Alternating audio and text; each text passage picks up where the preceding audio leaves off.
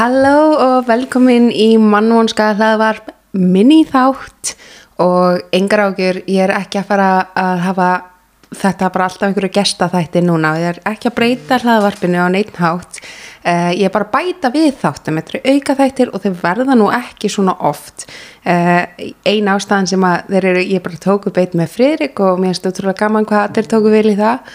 Uh, en hérna, en núna þá er annað vinnu minn sem ég vildi fá hérna sem gerst og það er ástæða fyrir því að hann er hérna í dag og það er út því að hann er með svolítið spennandi gangi.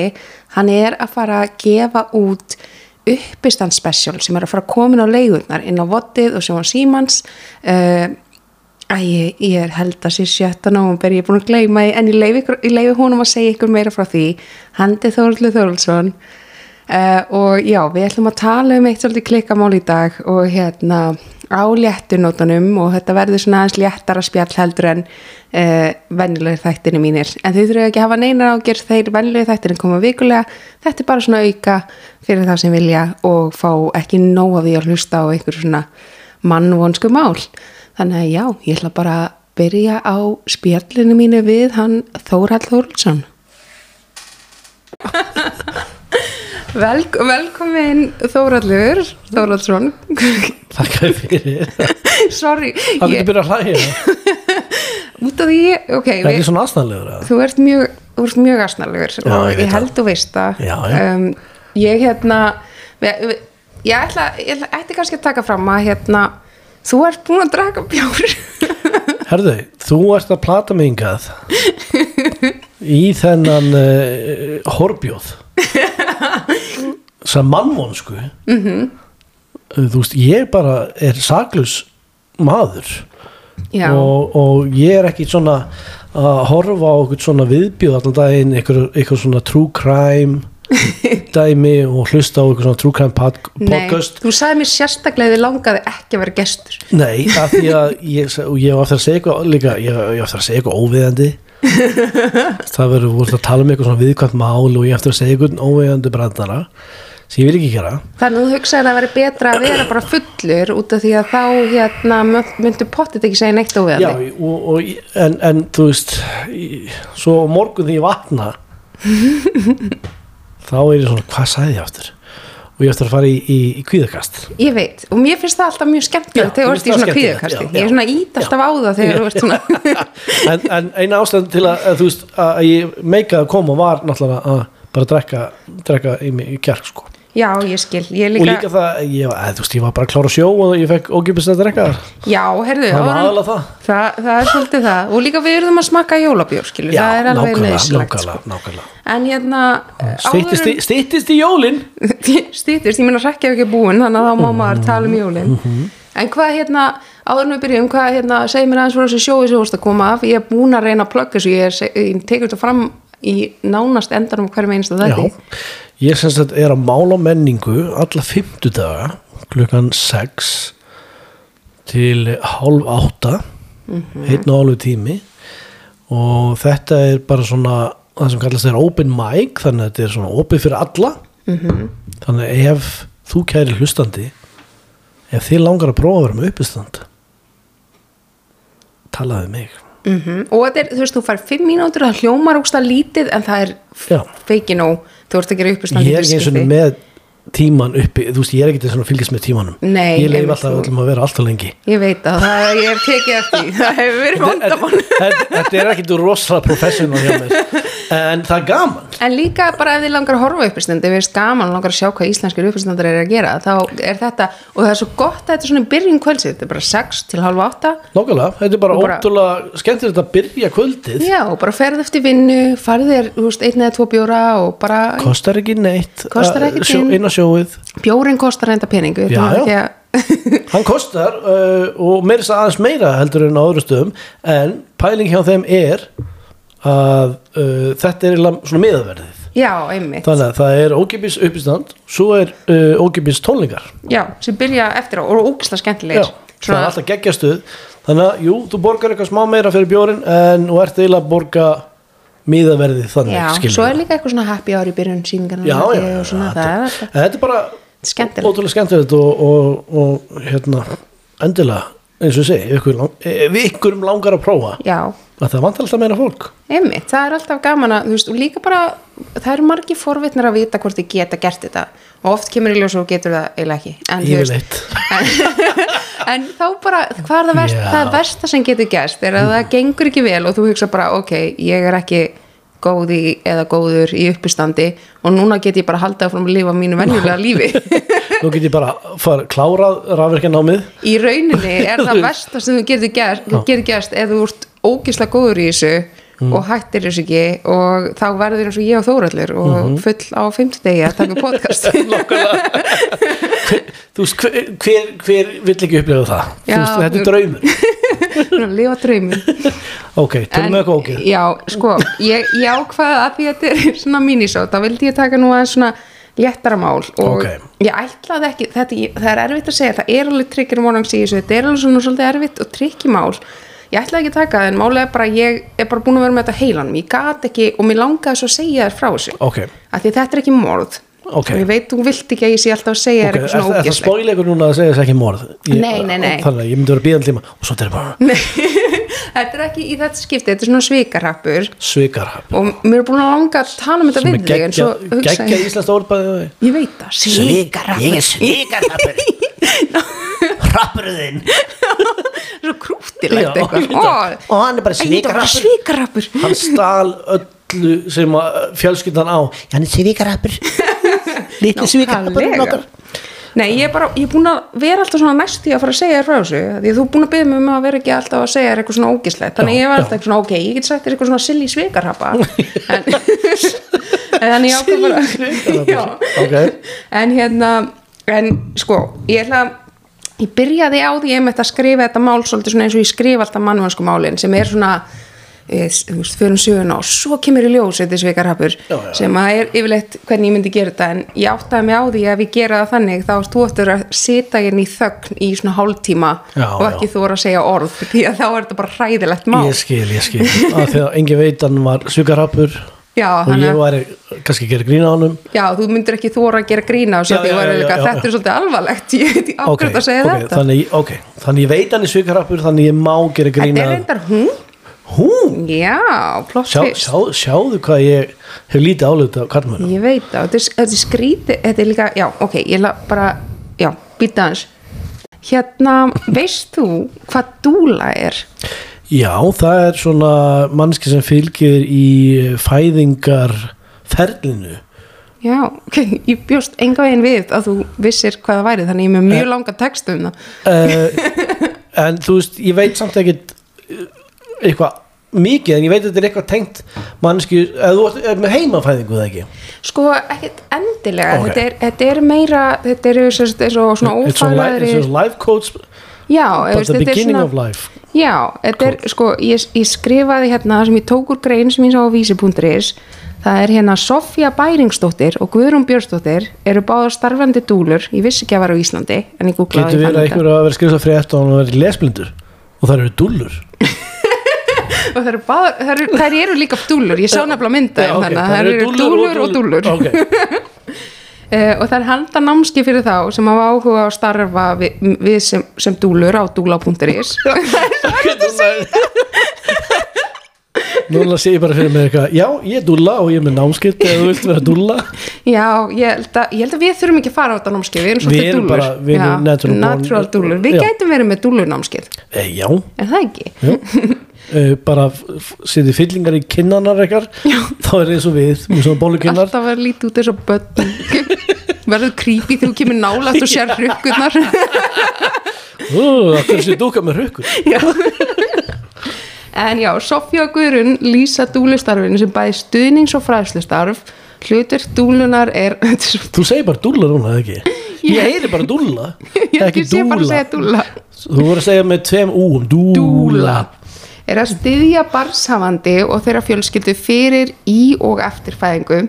Eh, Þetta er fagstjætt sem veitir aukin stuðning og fræðslu í gegnum barnsegnaferlið með samtali, snertingu og ekki síst samfeldri viðveru og dúlur starfa fyrir verðandi fjölskyldir og eru með þeim í gegnum allt ferli, til dæmis er engin vaktaskipta á meðan fæðingar stendur þannig að þú veist, þetta er, þetta er í rauninni veist, þetta er ekki, þau eru ekki hjúgrunafræðingar, þau, Nei, geta, nei. þau eru ekki að fara að taka hjarsláttin, þau eru ekki að fara að gera neitt Nei, svona, nei. en þau eru að fara að styðja þig bara, þú veist, eru ofta bara svona strjúka, hjálpa þær að labum, gera bara svona alls konar svona bara góð stuðning og fræðslu í gegnum það sem þú ert að gangi í gegnum, þannig að þú veist, það er svona já, allan að ég skrifaði miklu meira um þetta en þið getur líka bara að lesa, farið inn á dúla.is og hérna lesið meira um þetta. Og þetta er þetta er hljómar eins og geðvitt næs hlutu til að hafa með sér, sérstaklega maður eignast fyrsta batni eitthvað og stressaður og svona þannig að já, þannig að ég hérna, já þannig að það er það sem dúla er og það er mjög mikilvægt í þessu máli því að þessi manneskja sem við erum að fara að tala um í dag uh, hún sagt svikarrappaðist hún sveik yfir yfir 50 dúlur. Vá, já, og hún hugsaður örgulega hvernig og hvað Já. ósköpunum er í gangi. Já, um, ég skal bara segja ég ætla að byrja ég er bara ég með sko eina sögu af mörgum eins og hann segir, það er yfir 50 mann sem eru fórnalamb þessari konu sem í Kanada sem hún hún er. Og ég bara tók eina sögu og þetta er ekki eins og verstasagan tók bara Já. svona eina sem ég sá það eru margar alls konar verri og alltaf að segja manni að Kanadamenn sé svo næs kurtis er og eitthvað? Ég held að það sé ástæðan fyrir þetta kom fyrir út af því að allir voru það næs. já, það voru allir eitthvað svona, æ, hún er örugglega bara á eitthvað erfitt eitthvað, þú veist, ég var eitthvað Já. það er örugglega, ég þú ekki að segja neitt. Ég, ég meina hún er kanadís þetta er en hérna hún lítur að vera í lagi. Einmitt, en þetta er, sko, þetta er fyrst þegar ég heyrði um þetta þá fór ég að vera eitthvað svona, æ, þetta er kannski einhver sem er með eitthvað svona geðræn vandamál og vissulega hlýtur að vera eitthvað en hérna, en svo því meira sem maður heyrir og því meira sem ma maður veit að hún gerði, þá er þetta greinilega þetta er eitthvað kynferðislegt og þetta er, þetta er bara eitthvað virkilega slæmt þannig að ég ætla bara að byrja á sögu hjá einni sem ég tók sem hétt uh, Sjóna sem seg, hefur verið að segja söguna sína svolítið út um allt. Þetta mál er út um allt á TikTok, by the way. Það, það er það sem ég sá það fyrst. Ok. En svo hérna uh, er hlaðvarp sem heitir Something Was Wrong sem að hérna eru svona, þetta er svona hlaðvarp sem að það eru stundum er þetta bara svona einsæði hverjum þætti, stundum er þetta season með einni sögu og þá er bara svona að tala um eitthvað svona stundum er þetta bara eitthvað svona, já ég var að deyta eitthvað gaur en svo sá ég fullt á rauðum flöggum og kom í ljós og hann var skítell, eitthvað svona. Bara svona, að ég hefði átt að hlusta á þetta kom í ljósa, eitthvað svona. Og stundum er sögurnar svona aðeins meira grófar og svona, mjög skemmtilegt að hlusta á þetta. En nýja serían þeir einmitt ég datt inn á hann og ég held þetta var að fara að vera bara svona einn þáttur, það var bara einhver stund stelpa að tala um bara eitthvað vinkonu sína sem sökkaði svolítið mikið og var að ljúga gett mikið. Já. og hérna bara eitthvað ljúga mammina var í dáin og ljúga eitthvað hún var eitthvað veik og þú ert að fara að spítala og eitthvað svona bull. Já. og hérna svo bara svona í lokin á þeim þætti þá var hann eitthvað svona já og svo ég svona köttaði bara á hana og ég var eitthvað að, þú veist, og ég sá bara að það var eitthvað að henni en svo heyrði ég ekkert meira í henni fyrir en ég sá hún var handtekinn og ég eitthvað nú og svo kemur allt í hennu þetta og restin á seríunni, það eru heldur komnir átta þættir og þau eru að tala um mál, af því að það eru fleira og fleira að koma fram Vá. og tala um þannig að þetta er svolítið stórt og svolítið rosalegt Herri, við ætlum að tala um hana Sjóni. Uh, Sjóna var nýkomur réttindi síns til þess að starfa sem dúla og auglisti þjónustu sín á Instagram. Ég veit ekkert hvað annars staðar maður myndi gera, en þú veist, já, bara svona ný. Hún var ekki, veist, ég held hún hafi verið búin að vinna, þú veist, svona hjálpa annari. Þú veist, hún átti, Já, já. hún átti, dúla hún átti sko mentor sem kemur fram í sögunni setna. Vil, vil ég eitthvað segja? akkur, akkur segir þetta svona eins og setja að vitni ykkur bíóminn sem ég leika aðhlutu ekki árið 2020 sem er aðgengilega hvergi Nei, en hérna einn daginn þá fær hún skilabóð frá konu sem spyr hana hvort hún veitir einhvern tímann dúlu þjónustu sína fyrir utan London sem að Sjóna var staðsett. Og ég held þetta sé eitthvað London, Kanada. Ok. Út af því að ég nefndi ekki alveg að googla almennilega staðsetningarnar en ég held hún hafi ekki farið til Breitlands allt í hennu allan hún voru allir með ég held að sé til með þess að sko Reykjavík í Kanada. Það gæti vel verið. Það er auðvitað til London í Kanada.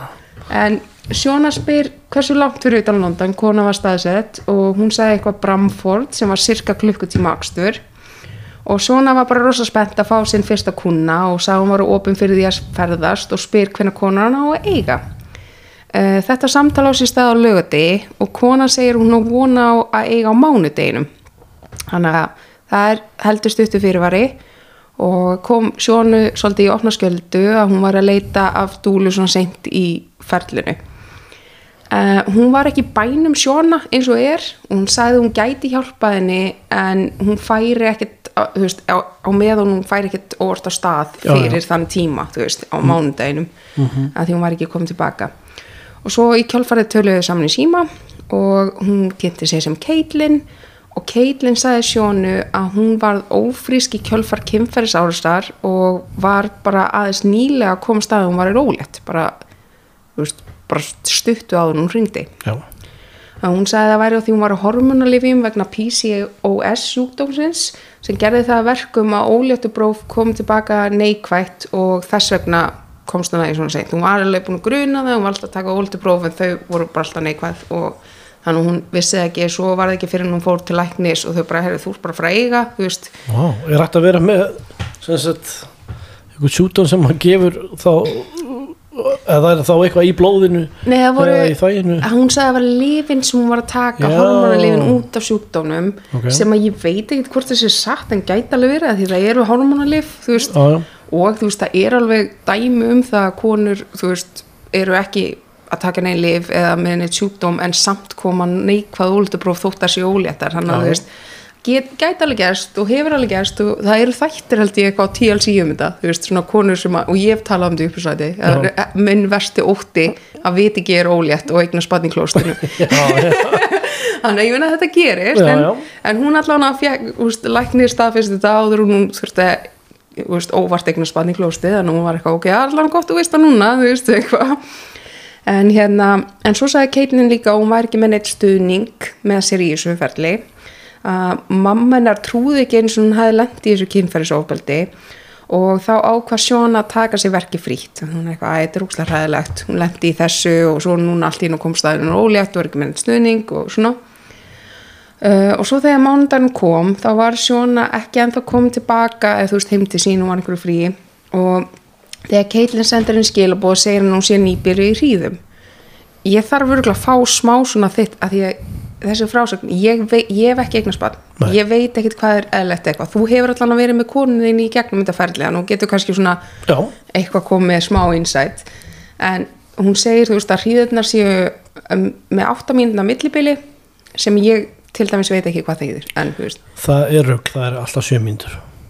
Það ég, það hljómar ekki rétt. Alltaf 7 mínútur og svo kemur það bara allt í því Nei, en þá sagt uh, kem, kemur svona krampi eða, eða svona, þú veist, ég er náttúrulega alla konur sem hafa eignast veit barn að er eru- bara, það er, það er komnar í, ég held ég að það er búin að setja sig í stöðu. Hva, hvernig er allar þessi Mhm.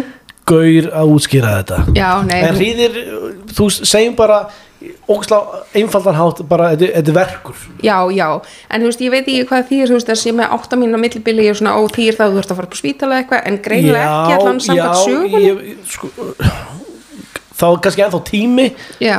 Og, og því stýttir sem er milli hríða Mhm. því stýttir er í actually fæðingur já, að já, fættir já. já, þannig að maður þarf að fara að taka tíman þú er mjög kvíðin að þurfa að tala um þetta.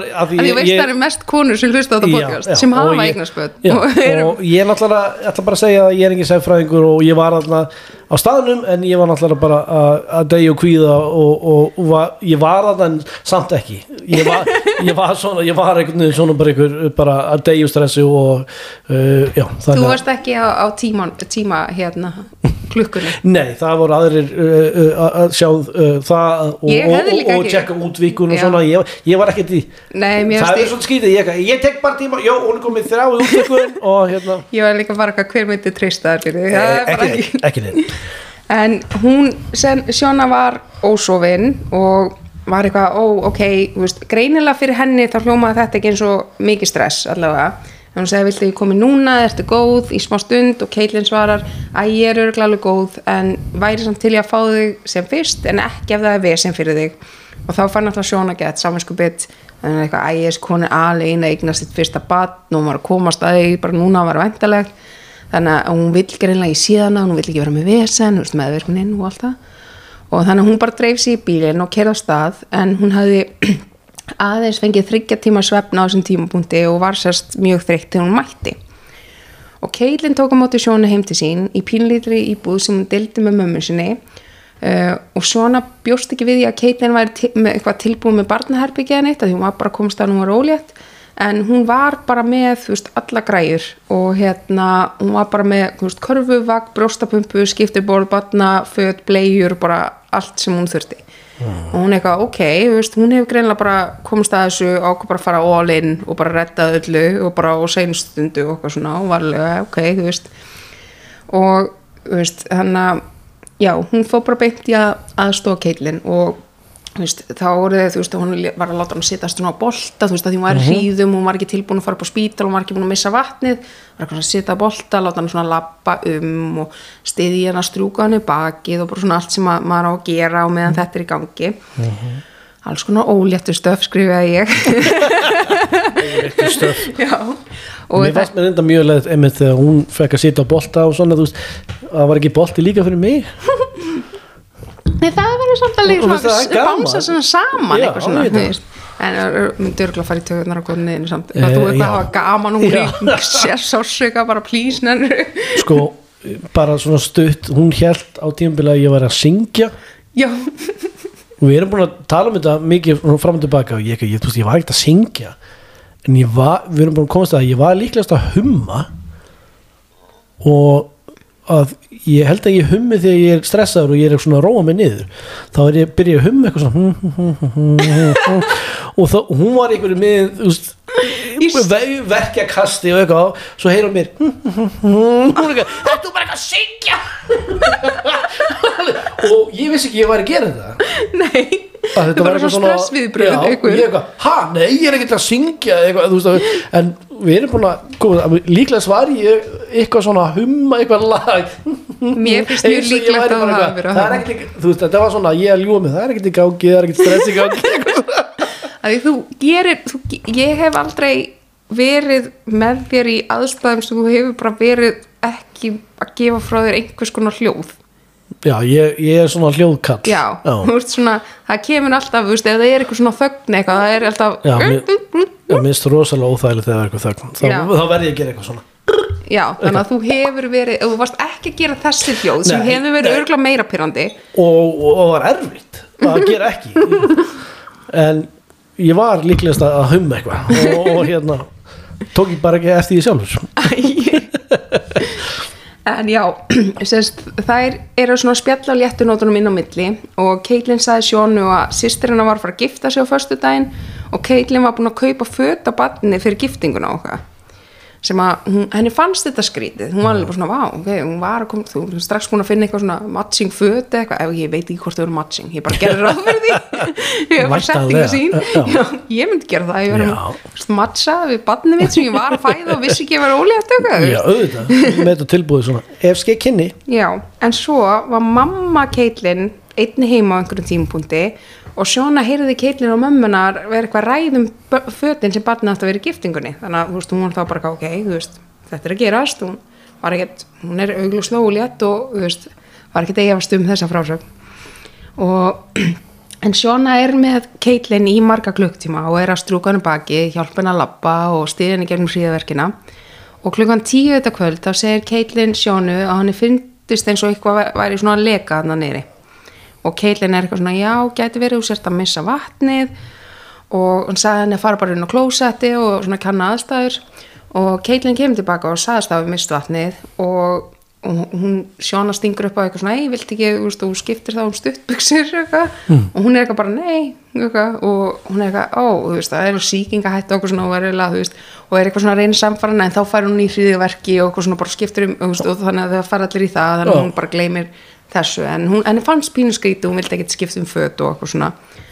Um, og Caitlin var búin að segja við Sjónu að hún væri með spítalarhæðslu hún hefði lent í einhver skelvilegu áður og væri með eitthvað svona tráma þegar kom á spítalum og vildi því að Sjóna vildi þau Sjóna bara fara passlega í það að stinga upp og hún þyrfti að fara upp á spítala. Hún var alveg svona, ok, hún þarf að fara upp á spítala ég ætla ekki að allt í einu var svona, herru, já, núna er tíminn þú ert búin að missa vatni, það er liðið þetta langa tími þú er að fara núna, þú veist, hún alltaf byrjaði þá bara svona, hei, þú veist þú þyrfti kannski að fara bráðum að gera það til við þurfum nú bara bráðum að fara eitthvað svona.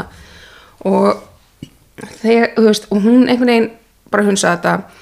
Og þegar það voru liðnir 12 tímar frá því að sagt, Caitlin missir vatnið þá saði Sjóna bara ok, þú verður allan að ringja á spítalinn og fá ræðleggingar og láta vita sér. Mér fannst þetta, ég var að googla þetta vegna þess að ég held í öllum bíómyndum og svona þá missir einhver vatnið og þá því að bara drullar upp spítala strax. Já, já. en svo var ég eitthvað svona, svo segir hún í þessu, úst, hún er í hennar frásögn það er eitthvað, já þú verður að fara upp á spítala 12 tíma eftir hún missir vatnið. Ég eitthvað, vá, er það, það er svolítið langu tími. Svo googlaði það og þau stendur allavega 24 tímum eftir 48 tímar er það lengsta sem þú getur verið, veist, áður en að þá er bara barnið að koma Já. ég held að bara ef þú missir vatnið þá er barnið að koma en það getur verið tveir dagar það, það er mögulega því að bíómyndir uh, geta ekki verið í daga.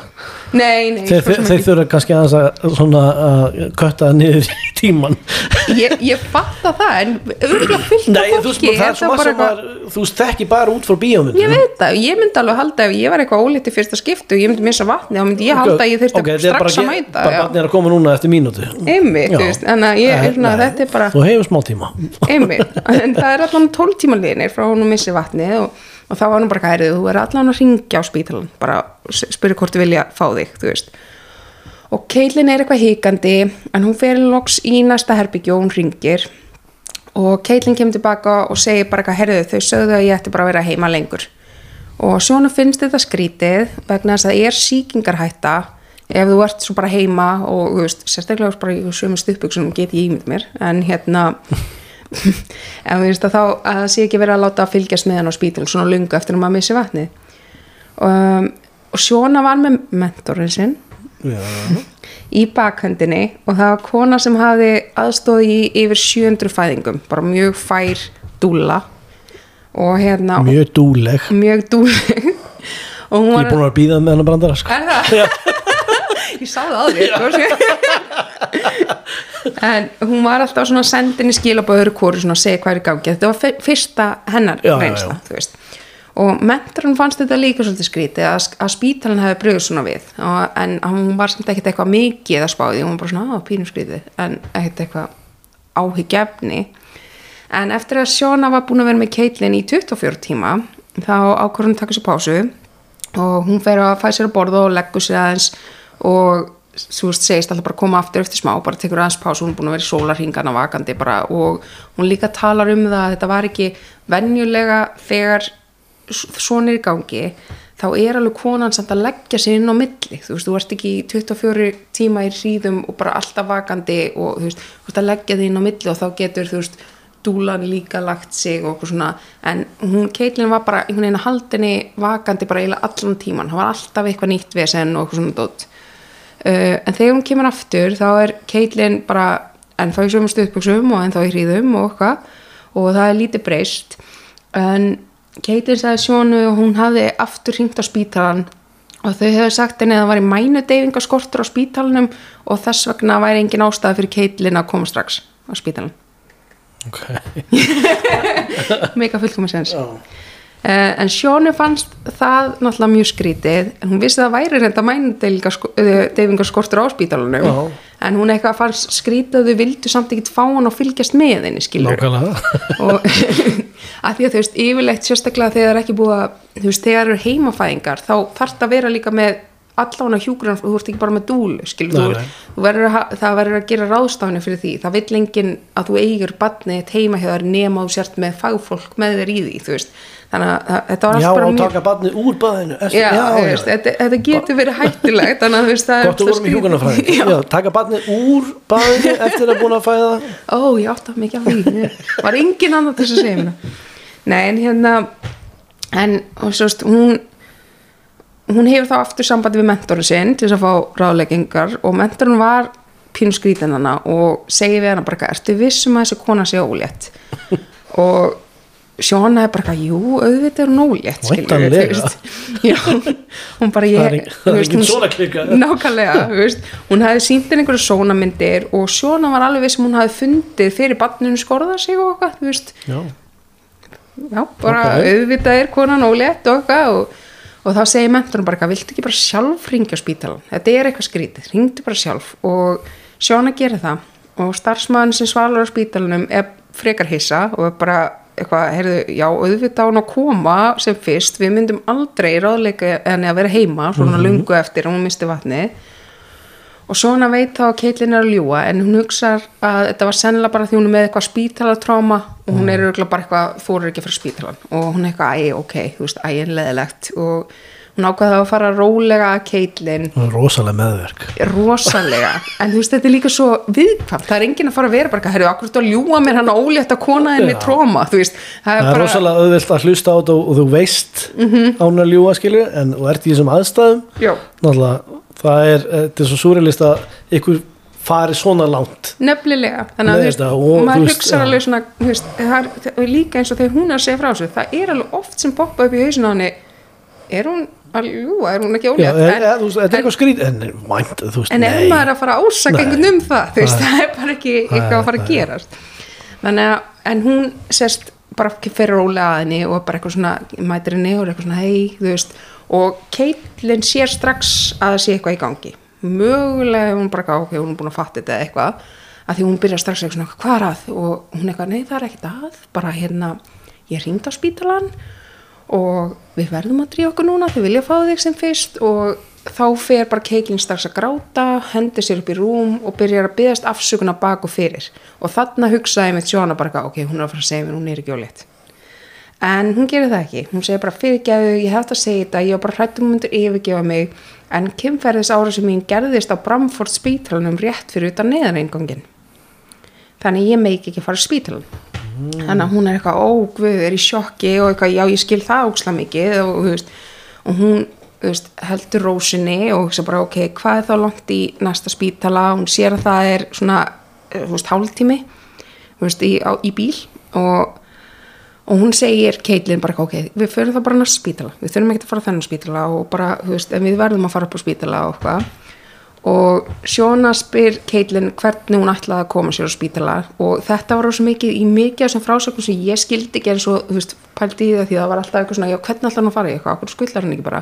En þú veist, það er, þegar þú ert svona dúla þú, það er svona regla hjá mörgum ára þú ert ekki að eigða pening í kúnan, skilur þannig að þú veist, kúnin á að sjálfur að útvega hlutu, þú, þú veist, þú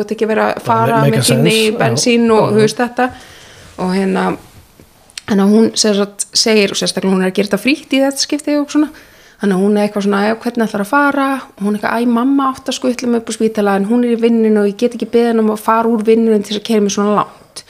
Og þannig að hún er eitthvað, ok, heyrðu, ég, þú veist, en hvað ef ég keiri þig bara á, á þínu bíl, þú veist, og, og hún er eitthvað, ok, þú samþykki það, þau fara í bílinn og veist, það tekur hana útrúlega langa tíma að einhvern veginn komin í bílinn, alveg einhverju tvo tími viðbóta því hún er alltaf ekki, æ, þarf, þarf augnablík þarf augnablík og hún er samt ekki að gera neitt hún er bara sitandi eða eitthvað og hún náttúrulega er hún núgsta pyrruð en þú veist, maður reyna að halda rósinni og svona.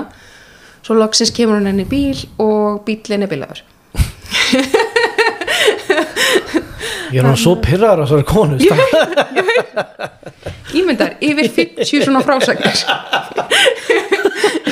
og, og hún er eitthvað ok, veist, ég ætla ekki að hætta það að fara eitthvað aftur inn veist, og vera með þetta vesen, hann hún bara herrið, þú fer bara í minn bíl, ég bara skuttla þér þannig að hún ef hún spyr eitthvað svona, viltu taka taxi eða Uber, hún er eitthvað, "Æ, ég hef gefna í þannig að hún er eitthvað, ok, fuck it veist, við förum bara inn.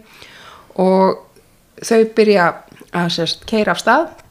Og hérna á leiðinu upp á spítalan þá tekur Caitlyn bara æðiskast í bílnum hún grenjar og öskrar og reynir að samfara sjónu að stoppa bílinn. Segir henni eitthvað skildu mig bara eftir, bara glimdu mér ég ger þetta bara sjálf. Og eitthvað. Og sjóna er náttúrulega bara eitthvað veist, þetta er veist, kona sem var brotið á kynferðslega og varð ólétt í kjölfari var að komst að hún líka var búin að segja henni sko Caitlyn að hver einasti sérst, uh, svona hríðaverkur var tryggjar fyrir hana út af kynferðs þú veist, hún bara ég er ekki að fara að skilja það eftir þetta byggð, skilja en já, hún sem sagt er uh, er bara, þú veist að segja ég ætla ekki að skilja það eftir og eitthvað og hérna, og hún er eitthvað að reyna bara róana og hún ringir í mentorinn sinn sem að byður bara um að tala við Keitin, bara má ég ekki bara tala við hana? Og, og hún segir við hana bara eitthvað heyrðu, þú veist, núna ert þú orðin mamma og þú verður að hugsa um hagmun,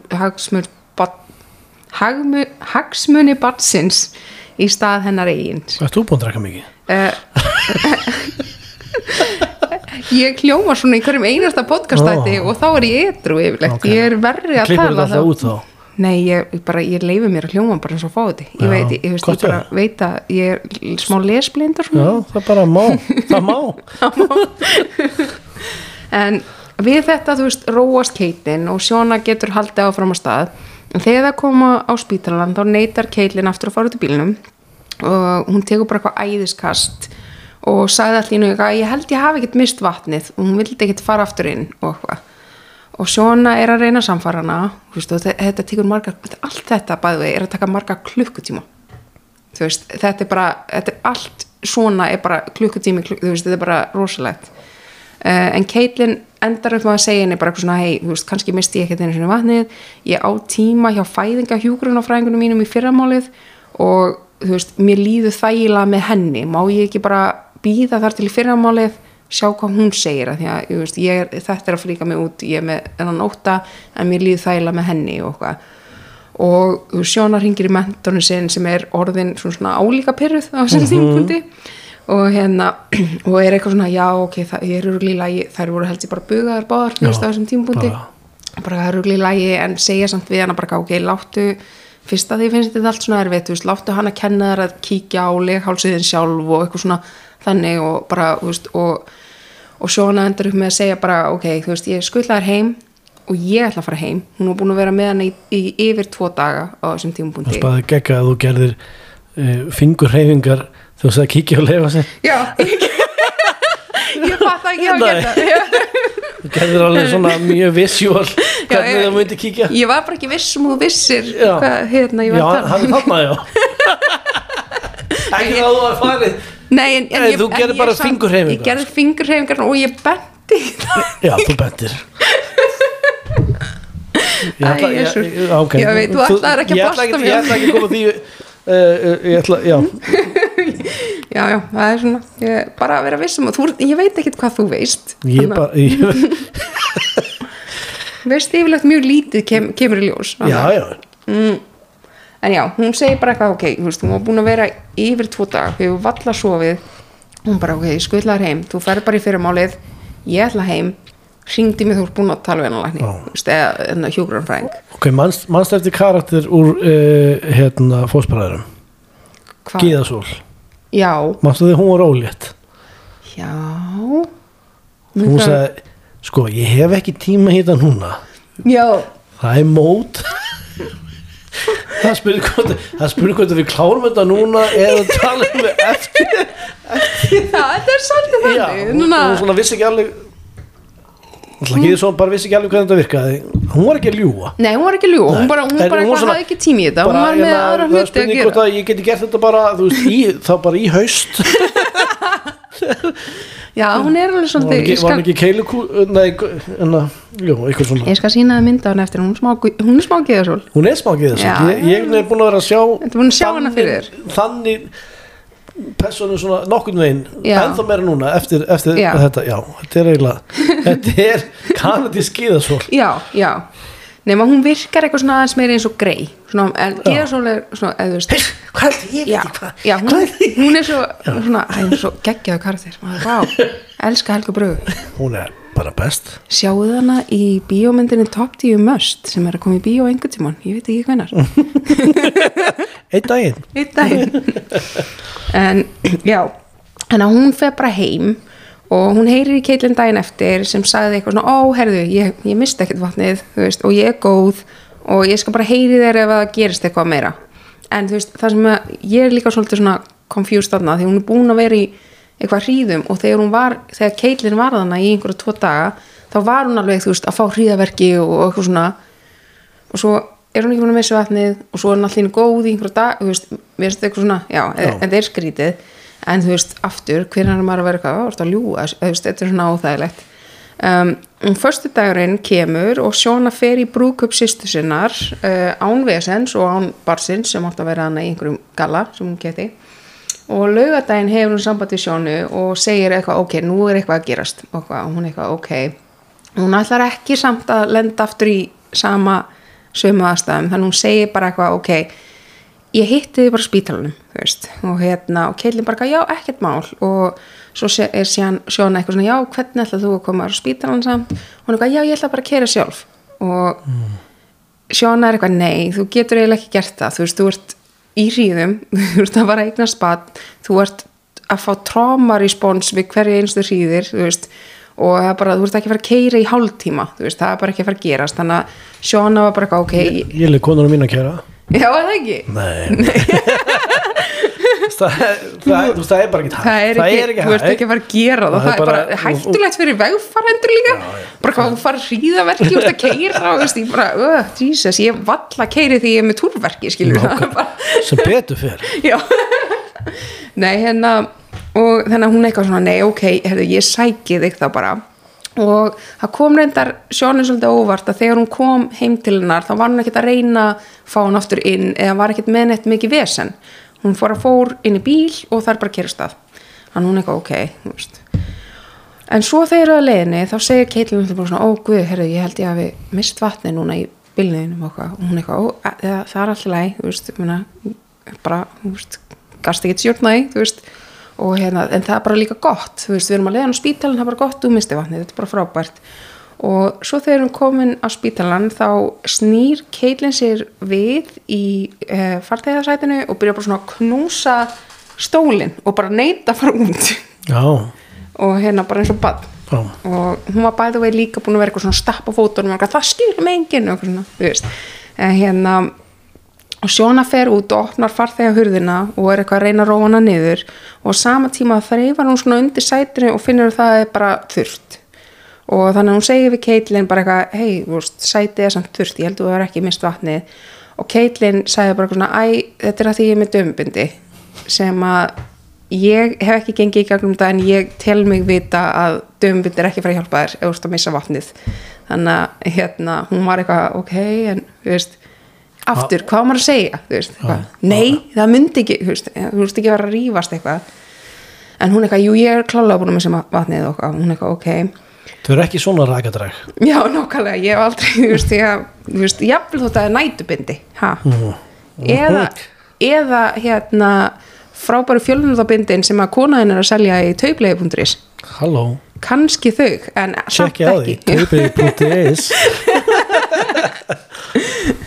en Sjóna er svaka lengi að samfara Caitlin að fara út úr bílnum og svo loks gerur hún það þú veist, uh, Sjóna lögð svona eina mínútu frá ingangnum og það tekur Caitlin klukkutíma að lappin uh, hún er alltaf eitthvað svona að stoppa setjast niður, lappa hægt. Hún er alltaf einu, allt í einu að fá verki og það er að setjast og svona vesen bara, bara ógeðslega mikið aftur klukkutími, eitthvað sem tekur eina mínútu að lappa og Sjóna er, veist, þá orðin náttúrulega pyrruð en hún er að reyna líka að sína, veist, hún er að reyna að vera veist, hún er finnst þetta svolítið eins og vera á djamminu með þér eða eitthvað.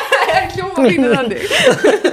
Nei, ég vil Já, þetta er, svona, þetta er svona eins og þegar það er búið að segja svona við krakka eitthvað svona eitthvað, að, þú, veist, þú verður að fyrir skólan og svona, nei, byrja svona labbúksla hægt eða þegar barinn er að loka og ég er eitthvað, nei þú þetta var út núna. Ég er á leiðinni, ég er bara labbúksla einn sem bjargar er bjóri við bjór. Já, nákvæmlega, ef þið ímyndið okkur það Já. þá er það hann, svolítið það sem hún var að gera.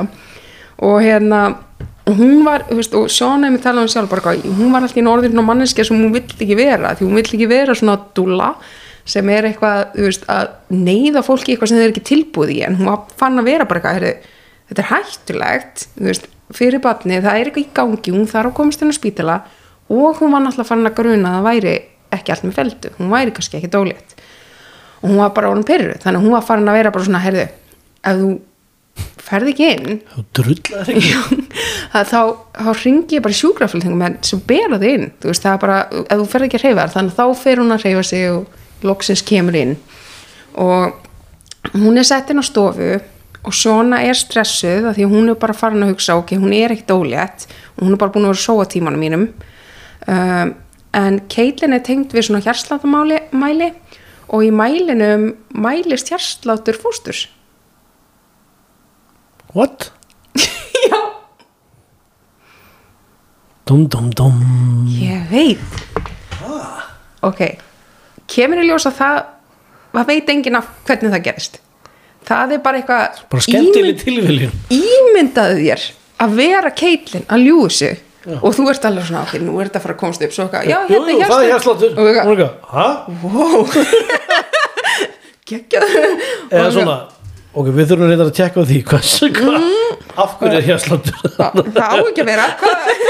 Hvað ég er að ljúga þessu, please að tjekka af hverju er það ef ég með eitthvað æxli það er að lifna við bara. Já, það er komið en það er engin, það er engin eitthvað svona skýring á því hverju það gerðist, þú veist, það var bara eitthvað bara skemmtileg svona bara- feil í, í, já, tækjunum. eitthvað þannig. En þú veist, hún náttúrulega fæ sjóna þannig náttúrulega bara massa saminskupið og bara, oh my god, ég er svo mikið djörk að hafa verið að hugsa svona, þú veist. Þetta er bara eitthvað kona sem er augljóslega ólétt og með gett mikið tróma og ég er bara algjör dykk, þú veist, og eitthvað, leið bara gett illa og hérna en Caitlin fer á klósetti stuttu eftir og þá er mælirinn aftengdur.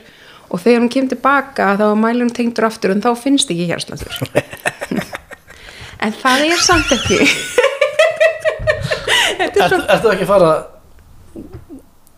Jú, þetta er, þetta er bara sem veist, hæðina voru með hjarslátt heyrðu ég var ekki búin að tengja. Þetta var bara einhver, einhver meldingar kúkurinn hennar já.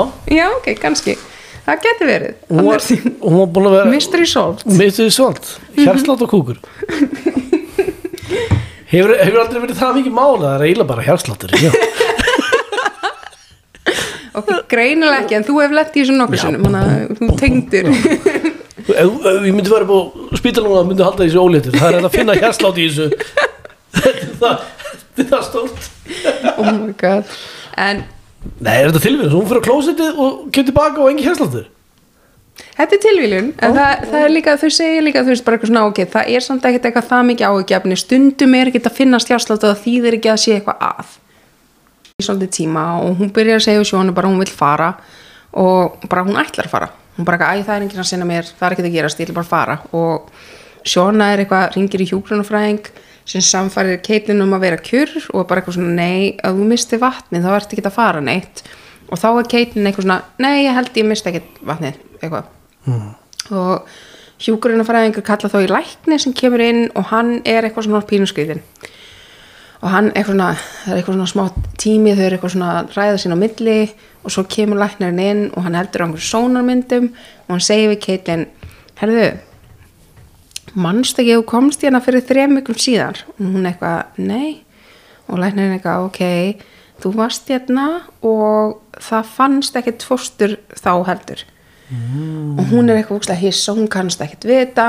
Og læknirinn framkvæm þá ómskoðun bara sýnir bara eitthvað hei það er ekkert inn í leininu og líka hún var með svona IUD sem er veist, held ég eitthvað svona sprauta eitthvað svona getna sprauta þannig hefði ekki geta verið ólétt hvort þið er og Sjóna er náttúrulega í sjokki. Og hún var búin að ákveða fyrst þegar hún byrjaði að grunda bara eitthvað, ef það kemur ljós og hún er ekki ólétt þá ætlum ég bara að strunsa hérna beint út og bara, bara segja fokk þess og eitthvað. En svo þegar þetta gerist þá byrjar hún bara að vorkenni því hún hugsa hún, eitthvað hún er orðin svo involved já og hún hugsa, hún hugsa líka eitthvað svona kannski held hún, var, var hún bara sannfarn um hún var ólétt, þetta var eitthvað svona geðrænt og hún væri bara sannfarn um, þú veist, er og, veist, og þá kannski er hún að upplifa þetta bara nákvæmlega eins og yfirleitt þegar konur eru með þannig og komast að því að þær eru ekki óléttar þá er það nánast eins og að upplifa fósturmissi því þú bara, þú bara virkilega trúðir því. Þannig að hún hugsaði kannski trúði hún þessu bara rosalega mikið og þannig að hún vildi ekkert vera náttúrulega eitthvað kvöldi eitthvað þannig að hún er bara eitthvað ok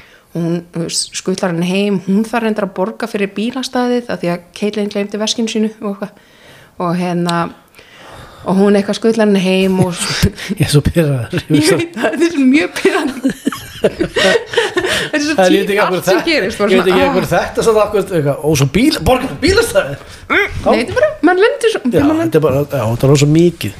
En þegar, þegar hún skullar henni heim og er einmitt eitthvað svona, hei, viltu að ég þú veist, uh, komið er í samband við einhvern sem getur hjálpað að fara í gegnum þetta og eitthvað svona sálfræði? Og hún er bara eitthvað nei takk og eitthvað, þú veist og hún bara fer. Og hún veist, hún er úrslega bara vá, þú veist, þetta var umlegt en hún er samt ekkert eitthvað svona, henni líður ekkert eitthvað svikin, hún var bara eitthvað það var greinlega bara eitthvað að hjá sér konu, þú veist, og bara svona úf, en leðilegt og hérna og hún eitthvað setna sendir hún Caitlin bara e-mail og se- sendir henni og segir eitthvað svona hei, hér eru reiknisupplýsingum meinar og þú mátt borga endilega fyrir bílastæðið og það sem samviskaðin segir er að borga mér. Já,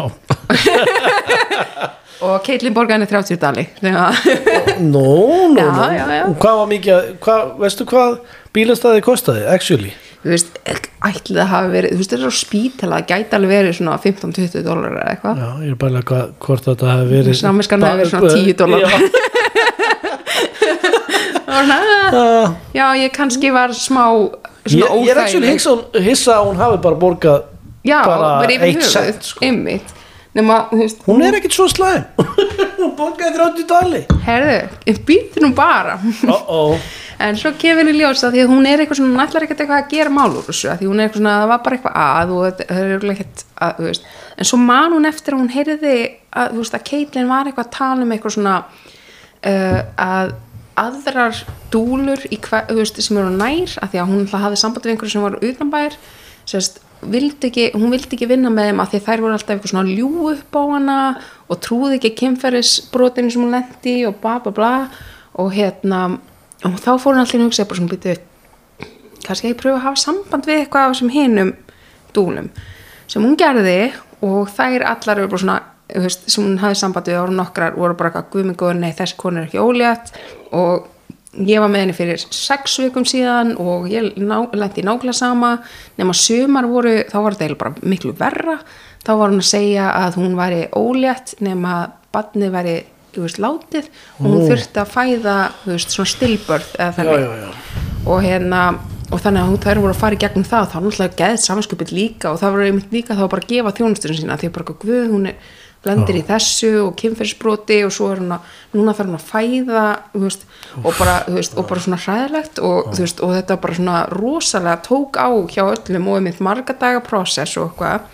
Og þá einmitt kemst hún að þessu þannig að hún er eitthvað svona hefðu, ok, þetta er ekki í lagi, þú veist, en þau, þær voru samt ennþá samt svona með varan á, þau eru eitthvað svona, þetta er kannski bara eitthvað sálrænt, það er eitthvað að og hérna voru ekkert eitthvað svona, voru, en ákveðu hún ákveðu samt svona að fara að vara við henni, þú veist, bara svona svona casually. Og hún vissi sérst að þessi kona var sérst hjúgrunfræðingur uh, nei, ekki hjúgrunfræðingur hvað þetta er að félagsfræðingur og þannig að hún ákveður að tilkynna hana bara í, á vinnustæðin sín bara eitthvað, heyrðu, hún er hún félagsfræðingur og er að vinna í málefni sem eru viðkvæm og þetta er það sem hún er að stund í frítíman sínum veist, og hérna og það er aldrei að fá neinn viðbröð og hún pröfa líka að hafa samband við laurugluna og laurugluna er eitthvað svona, já þetta er alveg velfókt upp en þú veist og þau er alveg, þú veist, eitthvað já veist, og þetta er alveg, þú veist, hún er að sem sagt raunin að stela þjónustu Já, já. sem hún þarf ekki og líka mér svo upp á spítalunum og svona, þú veist, þar sem hún er að fá bara fólk inn og svona, þannig að þau er alveg svona já, en það er ekki hægt að gera í þessu og svo bara í rauninni, þú veist, er, þú veist hún bara heldur áfram að, þú veist, tilkynna en ekkert kemur úr því og það er ekki fyrir en að það er önnur kona sem er ekki úr þessari frásögn sem að er líka búin að reyna tilkynna búin að reyna tilkynna til lauruglu og okkur svona dót, fer bara á TikTok og segir söguna, hún nefnir hann ekki að nafni eða neitt hannig, en þá bara springur þetta upp. Og þá einmitt er, þau eru með Facebook-hóp núna sem eru yfir 50 konur sem hafa lent í henni. Vá. og hún er að gera, gera þetta. En í mikið af þeim sögum, ég valdi ekki þá sögu, þið getur hlusta á í Something is Wrong podcastinu, það eru fleiri svona sögur um hana, þá er hún sérst, mjög mikið nakin uh, það eru frásagnir um hún hafi verið að snerta sig stundum og meðan þær voru að snerta, snerta á henni bakið og okkur svona dót.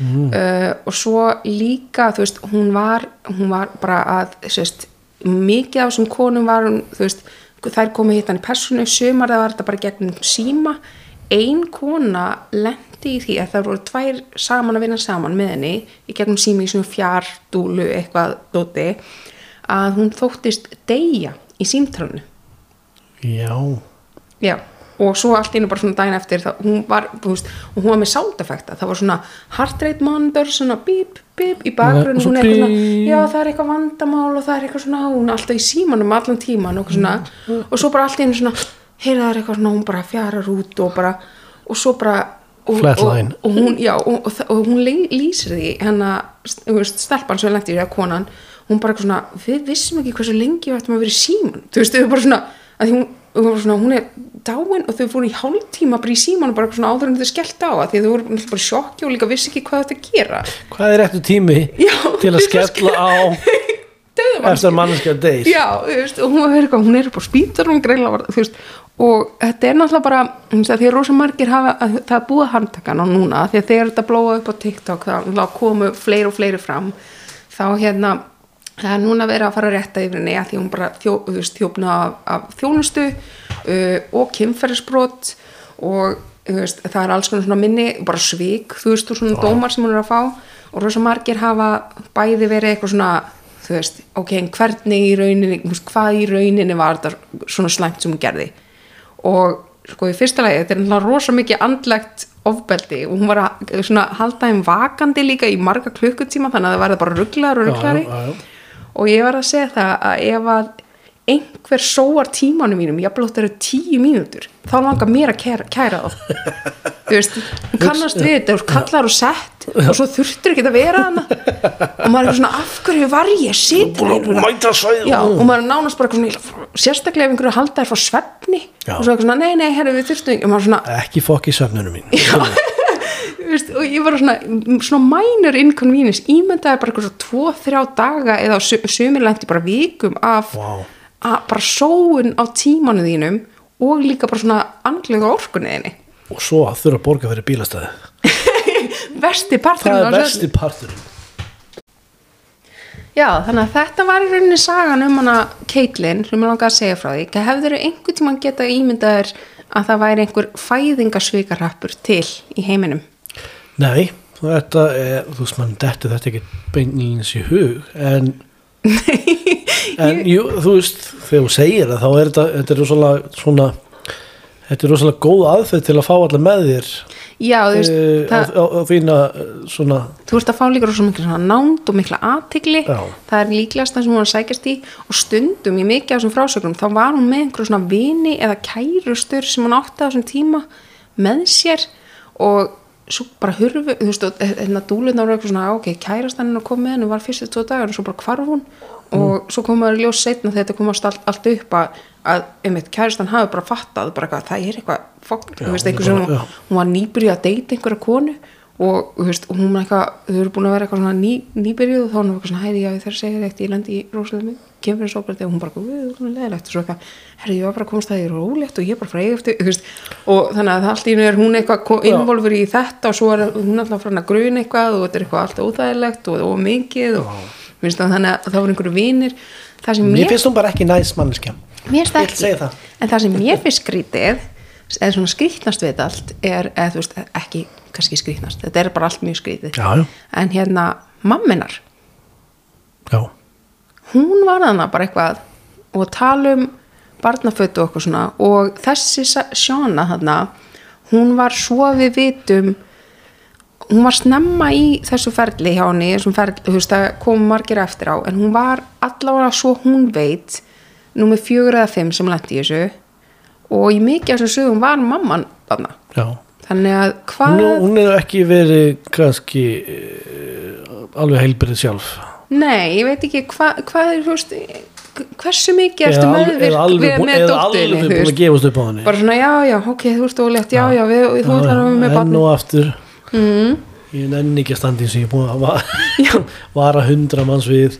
Einmitt. hún heldur að eða bara, já, væntalega verið eitthvað eitthva geðug sjálf það, þú veist, það, ég veit það ekki það, er, það var í, í hana Something Was Wrong podcastinu í fyrstu þegar það var bara eitthvað svona vinkona að þá var það ekki all, allt þetta óléttu dót það var bara eitthvað svona, eitthvað svona pínu skrítið og hún var að haga sér fyrðulega þá hérna hún því einmitt að mammina væri dáin sko, og hún komst að því og fór að tala um mömmunar. Og Mm. mammina var eitthvað svona æ, já, nei, ég, þú veist, og mammina var super næs og hvað var í bakka og ég er ekki tress Og var- en, hún var eitthvað, en ég, er, ég er ekki dán. Nei, hún var bara eitthvað, æ, sorry með dóttu mína, hún stundum eitthvað að gera svona. Já, þetta var ekkit, þetta var ekkit stórmál fyrir henni. Nei, Já, já. æ, hún er bara að flippa. Hún er svolítið flippari. Hún er svolítið flippari, ekki á, ekki á góðan hátt samt. En, en sagður í byrjun, hva, hvar gerðist þetta? Ég, ég, ég, ég veit ekki af hverju ég sé fyrir mér eitthvað svona suðuríkin Þetta er í Kanada. Já, þú sagði Kanada Já, þetta er í Kanada nefnilega. Já. og Ontario eða eitthvað Já. Kanada. Og hérna já. Þannig að þetta var bara, og þetta er ennþá og það er meira þess að alltaf fleira og fleira bætast í hópin þegar það, þetta er nýlegt þú veist mál. Og þegar það eru meiri frásagnir þá er alltaf eitthvað svona nýra að koma eitthvað svona annarkort fleiri svona dúlur og eitthvað svona fólk sem á að vinna með eða bara eitthvað svona vini sem var bara svona já, heyrðu, hún fokkaði þú veist, upp ótrúlega miklu og eitthvað Já, svona þú veist, bara eitthvað svona legasjúk en þú veist, þetta er allt einhvern veginn svona svipuð saga en hún þú veist, spilar rosa mikið á einmitt þessa vorkun og meðvirkni í fólki og að svona raska svefni þeirra og þannig þannig að maður verður svolítið bara svona klikkaður í hausnum og er ekki Algjörlega, að algjörlega spá í þessu það mikið. Þannig að fannst þið ekki að fannst, þú skilur okkur að ég talaði um þetta við þig að því að manstu þegar þú gerðir nákvæmlega þetta við mig einu sinni? Það voru bara fjóra vikur sem ég þóttist vera óléttur. Og talaði um eitthvað ég lét- nutta í bakið og eitthvað hoppa og svo stafst Hva, Hvað er komið mikið útveikun? Þóraldi, ég ætla ekki að tjekka. En já, ég byrði aftur afsökunar á því þetta var smá flippja mér í fjóra vikur. Þú helst það líka sjálfur þá? Ég var fann að Þú varst nýbúin að horfa á Junior með hérna Arnold Schwarzenegger. Og að fitna smá og þú varst einhvern veginn er, Ekki er þetta bjórin Ég er væntanlega óléttur. Já nei en hérna ég hef ekkert mikið meira að segja með þessu konu ég hef alveg meira en við erum ekkert að fara að háta. Þetta er mínið þáttur. Þetta er mínu þáttur en hérna Hvað hérna, og er, er þetta í gangi núna eitthvað réttarhöld? já það er, það er í gangi núna og það er bara ennþá það er alltaf nýtt og nýtt að poppa upp á þú veist, það eiga örgulega eftir fleira kæra. Hún er núna með einhvern ég seinast í tjekka voru ykkur 34 uh, ákærliðir mm. þannig að hún er Allir sí Kanada svona er, er þið, er þið jafn trúið eins og í bandaríkjanum þú veist þú swear to God to tell the truth nothing but the truth? Ég veit það ekki, það sé, er þetta allstæðar, er það kannski líka bara bíómynda er þetta á Íslandi? sverðu við biblíuna? Já, nei. Ok, Íslendingur já, ég skal alveg sverðu við biblíuna. Já, já, trú ekki sétt Nei, en hún er hérna, hún er líka sko, veist, hún er að fylgjast með þessu, veist, en núna er hún reyndar held ég komin í, sko, hún er í fangilsi, eða þú veist, hún er í fangilsi á meðan réttaröldu byrjuð, en bara fyrir nokkru viku síðan var hún það ekki og hún var að fylgjast með öllum þessum TikTokum greinilega og svona, það var margir að fá svona og hún var eitthvað, senda fólki eitthvað, hvað er það, eitthvað, hei, þetta er, hún, hún greinilega bara sér ekkert eftir þessu. Nei. og hún var eitthvað allt í einu að reyna að fá sér barnfóstruvinnur og eitthvað svona þannig að þú veist það var enda meira að vara við henni bara eitthvað nei, ekki. Hún er náttúrulega væntanlega bara algjörlega eitthvað hún er algjörlega eitthvað. Hún er algjörlega ég ætlaði að fara lengra með þetta en það er ekki bara að gegja hún er algjörlega eitthvað. Já, ég er bara, við veist það bara mjög flott. En áður en að ég leiði þér að að fara og halda áfram að vera fullur og einhver staðar og Já. grænjandi og svona það sem ég gerir ráð fyrir og gerir alltaf þú kemur heim ég er alltaf garandi ég veit það, það er mjög bara holdt og gott Já, fyrir sálina þannig að ég er bara stolt að þér. Ég er, ég þú ætlar að, að segja mér eitthvað sem ég veit allt og mikið um en Já. hérna áhörandi kannski ekki. Nei, og það er bara hérna svolítið spennandi að koma frá þér á Sjóma Símans og Vottið, nei Já. er það hérna hvað, er það leigurnar? Já, bara vod, leigur hjá sjónvarpi Símans og Vodafone. Þá er sem sagt uh, að því ég er vís með 20 ára uppistans afmæli já, Já, 20 ár sem ég var í fyrst getið með uppistand á auðminni og þú lítur ekki út fyrir að vera degi yfir 21 Ó, Ég er svo mikið að já. En ég, ég ætla að taka það, ég, ég tek því. Uh, þetta, var bara, þetta var bara stórt Þetta er stórt ár hjá, mér. Mhm. Fertur uh, 20 ára uppi sem stammali Þannig ég áka að bara að uh, fara all in mm og eigða fullt af pening. Já, mínum eigins minnu eins pening. Mhm. -hmm. og ég hérna helst held bara góða sýningu stóra sýningu á, í, já, og ég reð reði gauri til að koma og taka þetta upp mhm, klippa þetta. Og ég er að gefa þetta út núna. Já.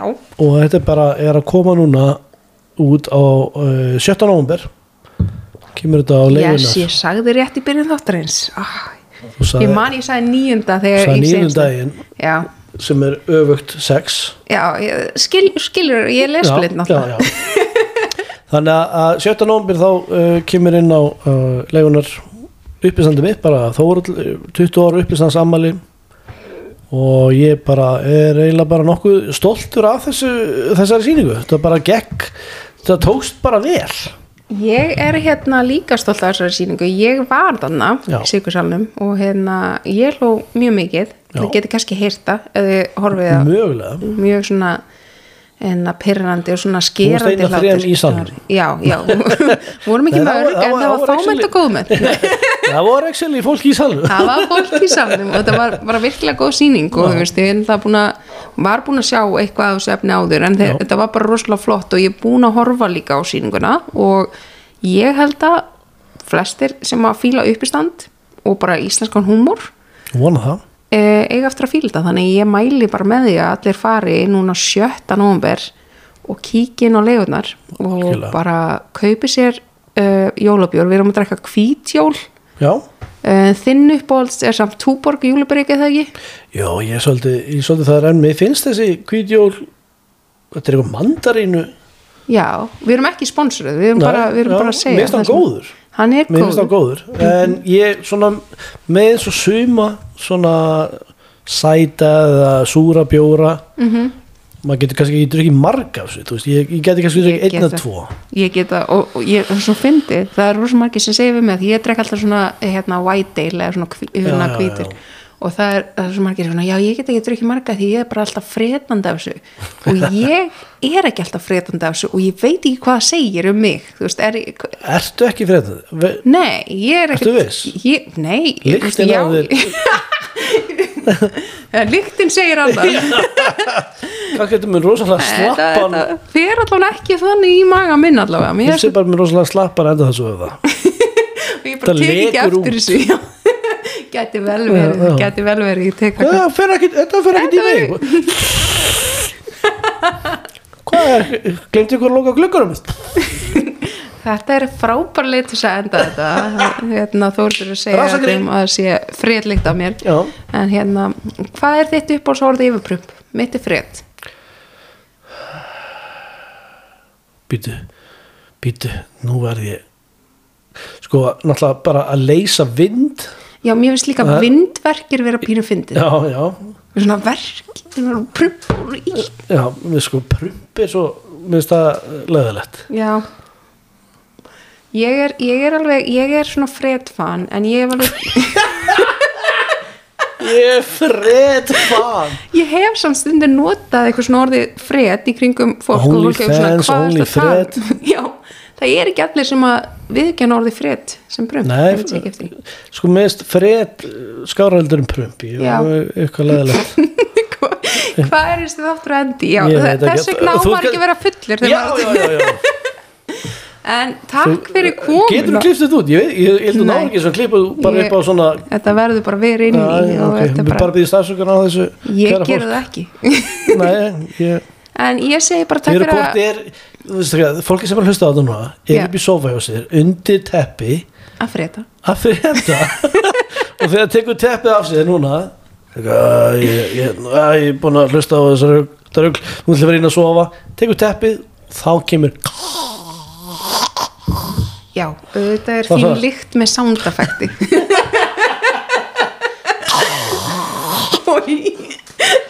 Þetta er ekki frum, þetta er fred En ég segi bara takk fyrir að koma frétt fjössið eitt